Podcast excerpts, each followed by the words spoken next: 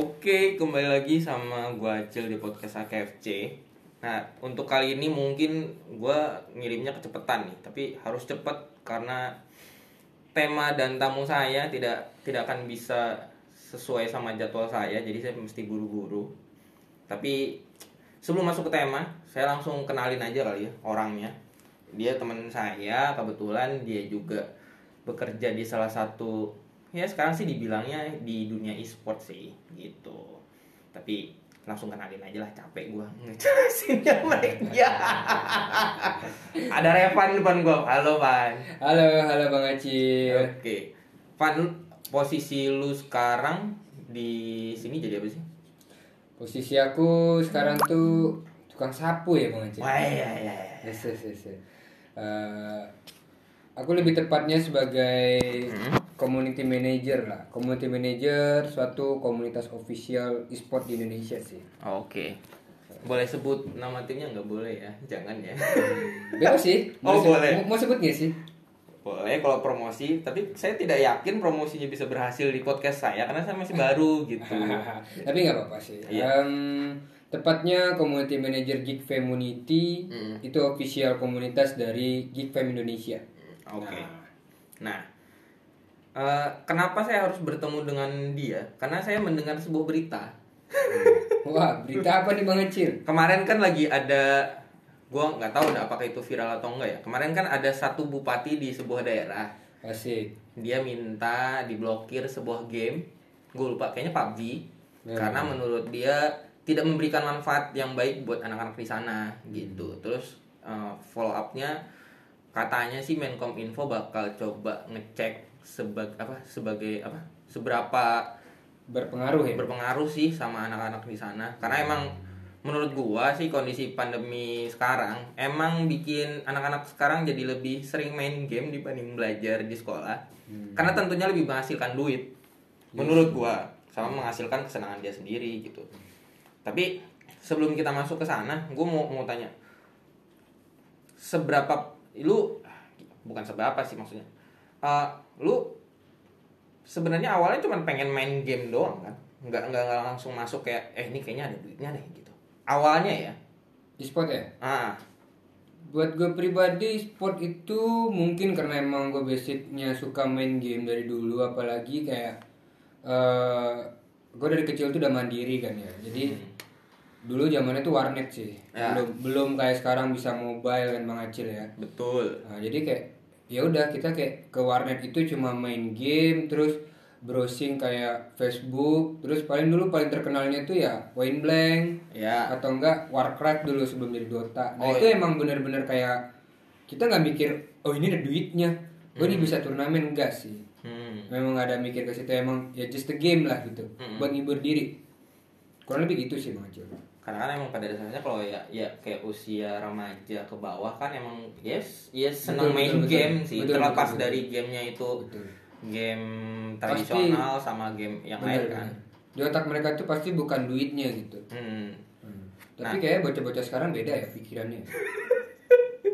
mikirnya ke mana Hmm. kayaknya kalau bocah-bocah sekarang bukan mikirin duit deh kayak mikirin gimana caranya dia dapet jodoh Iya, sekarang tuh lebih kayak jodoh sama pro player gitu. Padahal Aduh. mereka nggak tahu pro player tuh kayak apa gitu. Ah. Nah, terus sih. Iya. Tapi nah saat karena lu bahas pro player, men- jadi kita langsung agak geser sedikit ke pro player deh. Karena menurut gua Boleh, ya boleh. game kan sebenarnya ya cuman buat main kan. Walau Iya. apa pun permainannya entah itu berdasarkan teknologi atau enggak. Cuman kalau misalnya eh, ke pro player kenapa sih eh, bisa kepikiran?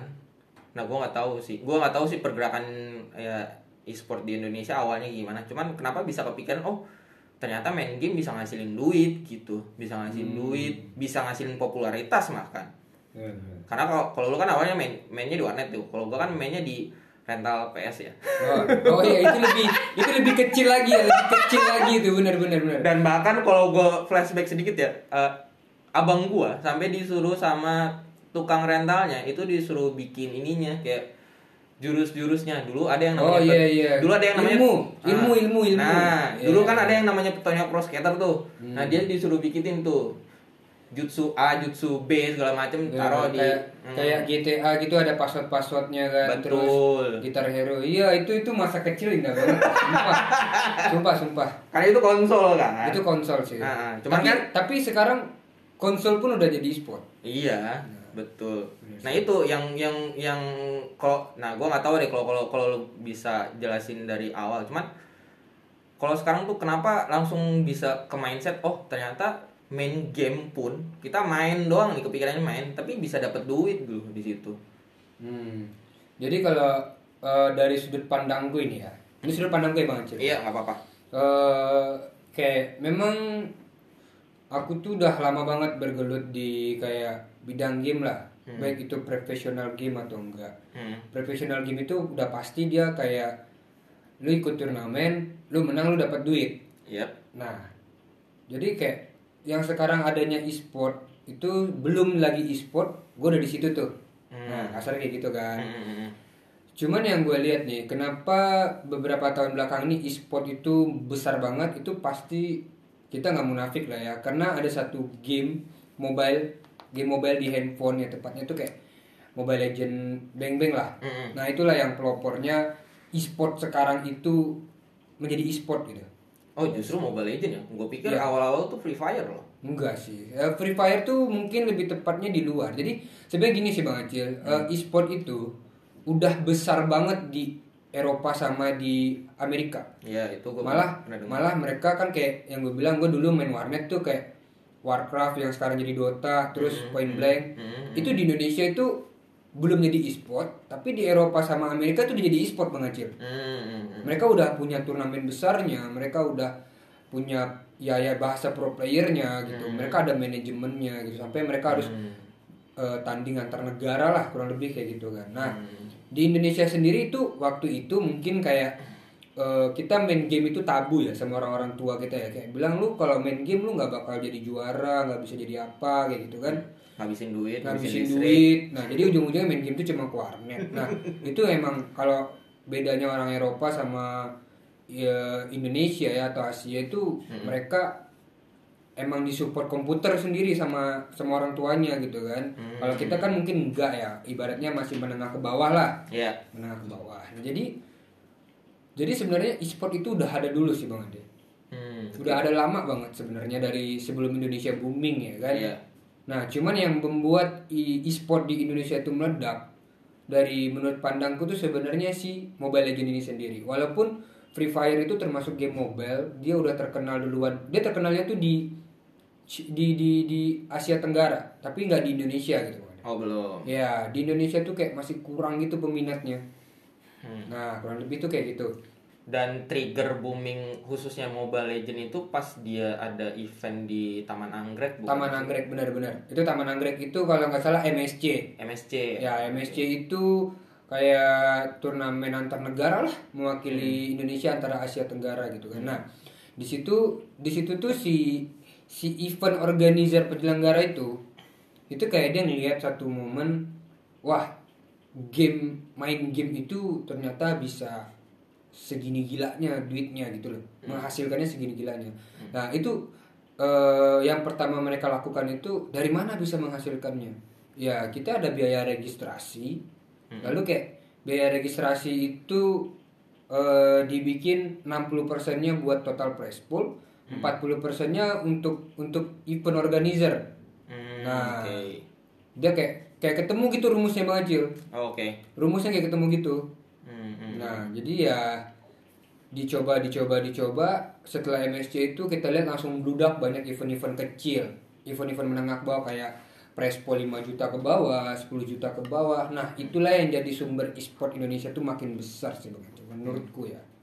Nah, cuman kan sebenarnya balik lagi ke yang berita gua kemarin kan. Eh, berita gua kemarin, berita yang tadi gua bilang. Hmm. Masalahnya kan katanya kan membawa dampak kan. Cuman kalau kalau gua lihat sih balik lagi sebenarnya ke orang tuanya juga kan. Bener. Apa, apakah Jadi kalau memang dari main game itu lebih kayak eh, ada efek negatif, itu tetap sih, tetap eh, kon- peran orang tua itu sangat dibutuhin sih bang Aceh. Hmm. peran orang tua pun sekarang e-sport e-sport e-sport e-sport di Indonesia itu penyelenggaranya yang bikin event atau tim-tim besarnya itu kayak mereka bikin eh, batas umur minimal 16 tahun gitu kan.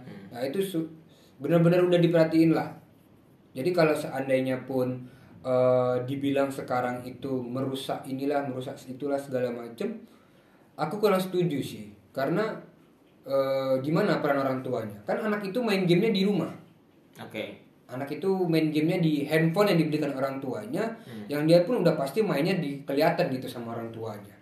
Nah jadi harusnya orang tuanya tuh bisa lah kayak ibaratnya ngasih batasan kalau umurnya masih di bawah 15 tahun kan Hmm. eh, mainnya mungkin dalam sehari cuma berapa jam kayak gitu atau seminggu sekali kurang lebih kayak gitu sih Dan orang tuanya juga harus, harus ngasih pengertian juga ke, ke dia kalau sekolah juga jangan ditinggalin juga. Benar, gitu. benar, Karena benar. kan emang gimana sih? Ya media menurut gua ada andilnya sedikit karena dia ngasih glamornya, glamor glamor dunia e-sport kan dan Benar, benar. bisa dilihat ya contoh kalau misalnya bilang Mobile Legend kayak misalnya ada salah satu pemain namanya Lemon. Ya dia ngasilin duitnya ya wow banget gitu. udah amazing banget Ah, cuman kan balik lagi sebenarnya kan ya orang tua ini dia ngasih gadgetnya itu ya tujuannya buat apa dulu balik lagi. Iya. Kalau dia cuma main game ya tidak menutup kemungkinan dengan kondisi yang sekarang bakal si anaknya kecanduan sama main game Bener-bener. gitu. Kayak aku lebih setuju sih Bang Acil. Kayak lebih setuju tuh eh, mungkin kelas 3 SMP atau 1 SMA itu anak itu baru mulai dikasih gadget. Nah, itu mungkin rasaku lebih kayak lebih balance lah. Hmm. Daripada ini kita lihat sendirilah anak TK sekarang sedikit-sedikit langsung minta handphone. Hmm. Nah, jadi sebenarnya peran orang tua itu sangat penting sih. Nggak bisa disalahin dari game atau e-sportnya aja. Justru dengan kondisional kita kayak gini, dengan adanya sistem e-sport atau game-game yang bisa menghasilkan uang atau dia menambah teman tuh kayak bagus banget sih Bang Acil. Kayak Hmm, hmm, lu nggak harus keluar rumah, lu udah bisa punya temen gitu. hmm. Nah, apalagi lu nggak harus pergi-pergian, lu nggak bakal kena covid lah yang lagi melunjak kan di Indonesia sekarang gitu. Ya anak lu masih tetap bisa bersosialisasi, masih bisa ketemu orang, masih bisa main juga yang nggak negatif. Coba kalau kayak dulu-dulu Bang Acil, nggak ada main game kita lihat orang mainnya sama yang tua-tua ngerokok, nongkrong. Sekarang coba kita lihat. Kalau seandainya anak itu kita rumahkan, kita support, kita awasi, mungkin mereka nggak akan lihat pengaruh-pengaruh luar itu Bang Acil. Menurutku pribadi ya. Ya paling halu-halu pacaran sama sesama gamer. Iya, paling pacaran sesama sesama gamenya jadinya virtual ya kan kan. Yang gendernya juga mesti dipertanyakan juga sebenarnya. Iya, itu, itu zaman-zaman gua banget. Zaman-zaman gua dulu masih di warnet. gua main satu game terus gua nyamar jadi cewek supaya kayak ya kita tuh di di gendong menang gitu kan dibeliin ini, dibeliin itu. Aduh, itu seru banget sih. Tapi sekarang nggak ada kayak gitu Bang Acil. Malah nggak ada sih, serius. Oh gitu. Iya, malah kayak yang hode itu bahasanya hode. kan? Iya, iya, Itu iya. udah hampir nggak ada bang. Bener. Sekarang itu malah orang kesempatan kayak, ya udah gue jujur gue cewek, lu cowok. Nah kita main game bareng nih, asik nih ngobrol bareng. Lu mau nggak sih jadi support sistemnya gue? Nah gue dapet banget tuh bocil-bocil kayak gitu bahasanya ya. Aduh. Gila pokoknya bocil-bocil sekarang lebih kreatif sih sebenarnya bang. Tapi Jadi kan ya sebenarnya ada efek negatifnya kan banyak banget ya yang yang sekarang lah yang sekarang yang dirasain. Kayak misalnya di dunia sport tuh banyak drama-drama yang ngelibatin netizen netizen yang umurnya di bawah gitu di bawah di bawah dari usia ya usia dia seharusnya sih untuk bisa benar. komentar dewasa sedewasa itu sih. Karena banyak kan post-post komentar-komentar yang ya waduh. Ya, sebenarnya itu juga sih satu hal kayak hmm, terlepas dari tadi kita nggak ada negatifnya yang sudah gue sampein. Hmm. Menurut gue pribadi tuh eh, harusnya udah ada juga sih kayak undang-undang e-sport yang mengatur sosial medianya nih Bang Acil. Hmm, hmm. Nah, jadi kayak misalnya tuh ada eh, akun-akun sosial media yang kayak hal-hal yang negatif buat apa sih di post gitu. Hmm.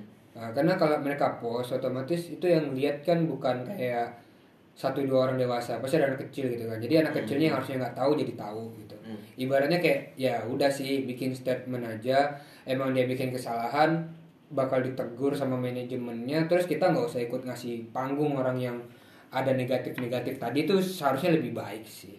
Menurutku kayak gitu sih. tapi agak susah juga sih sebenarnya kalau kalau lu lihat ya, ya jangan ke e-sport dulu deh kayak misalnya kayak yang di luarnya kayak misalnya ada ada akun sosial kayak lambe tura iya iya iya. yang kayak gitu-gitu Iya. dan ya yang nge-trigger trigger orang untuk bisa berkomentar. Sebenarnya komentar boleh berkomentar boleh cuman kan balik lagi kedewasaan kedewasaannya diperluin kan. Iya, benar. cuman kalau kita balik ke ke dunia e-sport ini karena emang dominasinya banyak dari remaja ke bawah ya kita agak was-was juga kasihan juga gitu. Benar benar benar dan peran orang tua emang benar-benar harus diperluin di sini apalagi Iya. di pandemi covid ini.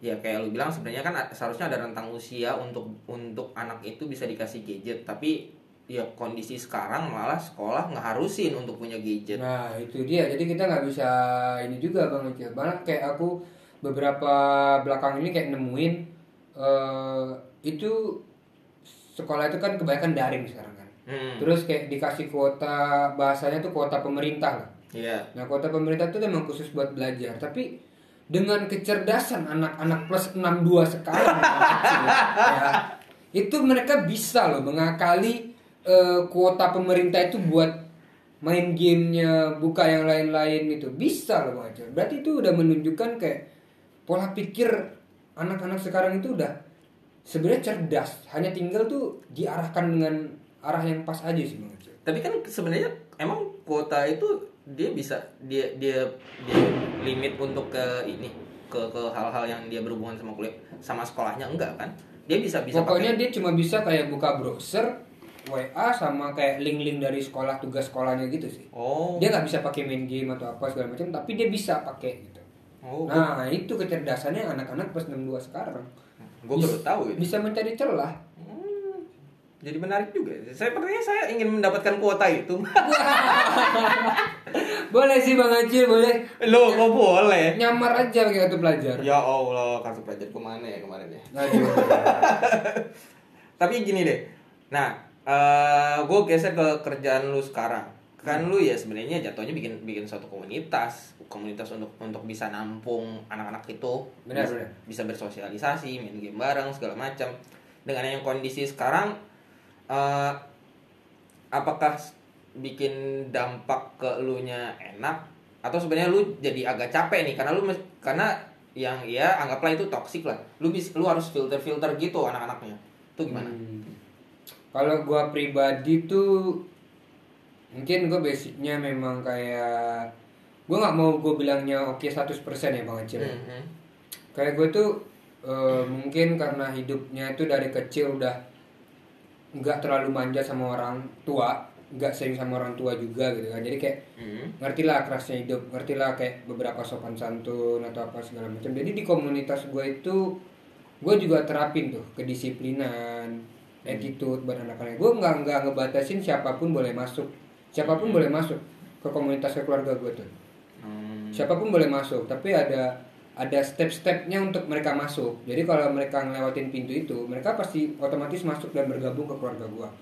Nah, nanti di dalam itu mereka bakal ketemu sama eh, bisa dibilang pengurus lah, oke pengurus-pengurus eh, komunitas itu. Karena gua ada beberapa pengurus yang di mana pengurus ini juga gua bekalin gitu bang. Gua bekalin ilmu eh, cara ngedidik, eh, cara kita berbicara sama orang, Mhm. terus kayak cara mereka biar ngatur waktunya Ya. terus cara mereka bikin sesuatu kegiatan internal supaya eh, anak-anak di komunitas ini nggak nggak lagi melakukan kegiatan kegiatan-kegiatan gamenya di luar dari komunitas jadi benar-benar kayak gue bisa pantau gitu bang oke. Jadi kalau kayak someday orang tuanya datang kayak kemarin kejadian loh ada loh. Datang ke sini loh bang serius. Datang ke kantor gue itu eh, dia tanya ini tuh apa segala macam bla bla bla. Akhirnya gue jelasin dan orang tuanya baru sadar wah ternyata ini tuh bagus banget.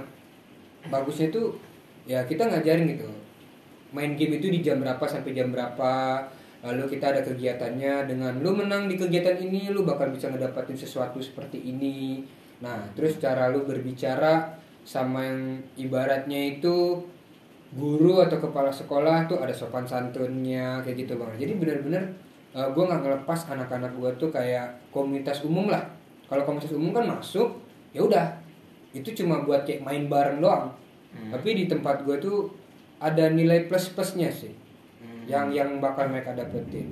Oh jadi lu nggak nggak nggak akan ngelepas pengaruh lu sama kontrol lu juga buat si anak-anak benar itu ya? benar benar benar. Jadi kalau seandainya mereka ada yang toksik ada yang kayak eh, nggak ngerti apa-apa soal, soal e-sport itu gue berani jamin sih dalam tiga bulan atau empat bulan dalam community mereka pasti bisa paham e-sport itu apa sih gitu sebenarnya. Nah kurang lebih kayak gitu sih. Oke. Menarik juga sih kalau misalnya ngelihat ada komunitas yang istilahnya bisa ngasih jaminan ke orang tua ya kalau ya anaknya itu nggak nggak nggak diarahin ke arah yang jelek gitu. Tetap Benar, benar. tetap dia bisa senang-senang sama gamenya terus tapi dia juga tetap tetap bisa fokus sama sekolah atau ya pendidikannya lah istilahnya. But at least kayak kemarin tuh eh, kita ada satu turnamen besar ya. Itu turnamen itu prize poolnya 100 juta loh Bang Acil. Wow. Itu Ladies Mobile Legend. Ini bayangin, ini bukan lagi soal cowok, ladies loh, perempuan. Oke. Hmm. Dan kebetulan eh, tim ini itu menang di babak kualifikasinya. Lalu dari event, dari panitia event tuh punya kewajiban kayak lu bisa lanjut ke babak finalnya itu dengan lu harus satu tempat nih semua player-player lu. Oke. Nah, kebetulan player gue itu ada yang dari Tangerang, Bogor, terus ada dari Cikarang. Oh. Dan gue kirim surat resmi sebagai surat izin dan habis itu gue telepon orang tuanya gue jelasin "Eh, ini eventnya seperti ini, kita seperti ini seperti ini, Hmm. dan gue menjamin soal covid segala macam kayak gitu. Dan kalau bisa sampai mereka tiba di satu tempat itu gue konfirmasi orang tuanya. Ketika mereka pulang gue konfirmasi ke orang tuanya. Nah sampai segitunya gue berusaha untuk eh, meyakinkan orang tuanya bahwa hal-hal di sini tuh positif Ya takutnya dikira human trafficking ya. nah nah begitu perdagangan anak Perdagangan ya anak. Oke. Bener sih. Eh sebenarnya gue mau, mau ngobrol banyak, cuman kayaknya materi saya sudah habis. Ya. Tapi nggak apa-apa tapi gue gue mau tanya satu pertanyaan. Ini sih yang yang paling yang paling penting sih buat ya buat anak atau buat orang tua ya tuh ya anak lah sebenarnya prioritas ke anak. buat anak ya Nah, apa kalau dia pengen jadi gamer atau dia mau ngerambah ke dunia bisnis gamer apa sih yang dia harus punya? Itu dulu sih. Satu hal yang dia harus punya atau mungkin ada beberapa hal yang penting yang harus dia punya? Kalau menurut gue pribadi, kalau memang dia mau berkecimpung ke dalam dunia e-sport, Hmm, dia pengen main gamenya itu menghasilkan uang. Dan e-sport itu nggak hanya tentang jadi player aja ya, banyak aspek tapi bisa menghasilkan uang. iya Dia harus punya tiga tiga ini, tiga apa sih? Tiga faktor utama bang Aceh. oke Yang pertama itu niat, oke itu niat, ya ya itu niat. saya mau ngelucu cuman ya lanjut aja dulu Iya, ya itu pasti ya kan. Kalau nggak niat lu nggak bakal bisa. Pasti kan gitu kan. iya iya Oke. Yang kedua, eh, lu harus punya attitude. oke nah ini yang susah nih Ya, attitude. Karena e-sport itu kita akan ber, ber- akan bergaul dengan jutaan manusia yang di mana kita tidak kenal, kita tidak tahu asal muasalnya dan di mana tinggalnya, tapi kita dituntut untuk bisa membuat orang itu mau menghargai kita dan kita menghargai dia, Oke. agar jalannya itu baik. hmm, Nah, oke itulah. Yang terakhir pasti restu atau support dari orang tua. wah Itu aja. ini bagian yang saya suka nih restu restu Iya. karena saya membantu anda membantu saya sekali nih saya takut kalau kalau cuman itu tapi nggak ada orang tuanya aduh. Benar, benar. Karena gini, sehebat apa pun orang, sehebat apa pun kamu bermain game, ketika kamu dapat momennya Hmm. untuk eh, misalnya setelah kamu main game setahun dua tahun, lalu tiba-tiba ada tim pro, tim pro, tim pro, pro- profesional lah tepatnya ya, Hmm. yang kontak kamu untuk, hey kamu mau nggak join ke tim ini, kamu bakal main di eh, turnamen besar, kamu akan dapat gaji sekian sekian. Itu hal pertama yang harus kita lakukan adalah izin ke orang tua. Hmm. Jadi ketika dua tahun main kita kemarin ternyata orang tua kita nggak tahu apa yang kita lakuin dan orang tua nggak izinin, itu kita nggak akan bisa lanjut ke tahap berikutnya bang Jun. Kita paksa pun, dipaksa tabrak pun, itu sampai di titik itu nanti mereka pasti nggak akan bisa ngedapetin momen terbaik dalam hidupnya. Kenapa? Karena orang tuanya tidak ada merestui atau mendoakan. Hmm. Pasti itu tidak akan tenang dan nyaman sih. dan emang ada perbedaan generasi ada ada gap generation juga sih karena kan kalau sekarang lebih lebih ke modern lebih teknologi kalau dulu mungkin teknologinya ada tapi kurang benar benar Jadi- tapi orang tua orang tua sekarang tuh aku lihat 80% udah support anaknya buat di e-sport wah ini aku yakin ini persennya bagus nih aku yakin 80% ya sebab eh, kayak perempuan aja itu nggak harus jadi pro player nggak harus jadi main gamenya dia bisa jadi talent Ah, Oke. talent itu kayak eh, dia nyanyi kah dia jago make up kah dia dancing kah tapi dia as eh, dari tim e-sport tersebut sebagai Oh, oke. brand ambassador Oke, nah oke. Anda sebut dua awal saya takut. Sepertinya mirip saya aplikasi tertentu yang mesti disawer-sawer. wow wow Oke, kita tutup aja. Thank you banget, Pan. Thank udah you.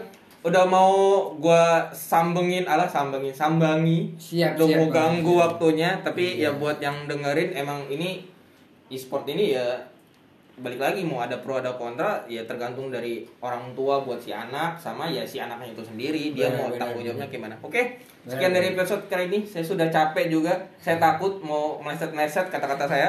Saya akhiri dulu. Gua Acil dan bye bye semua. Thank you. Thank you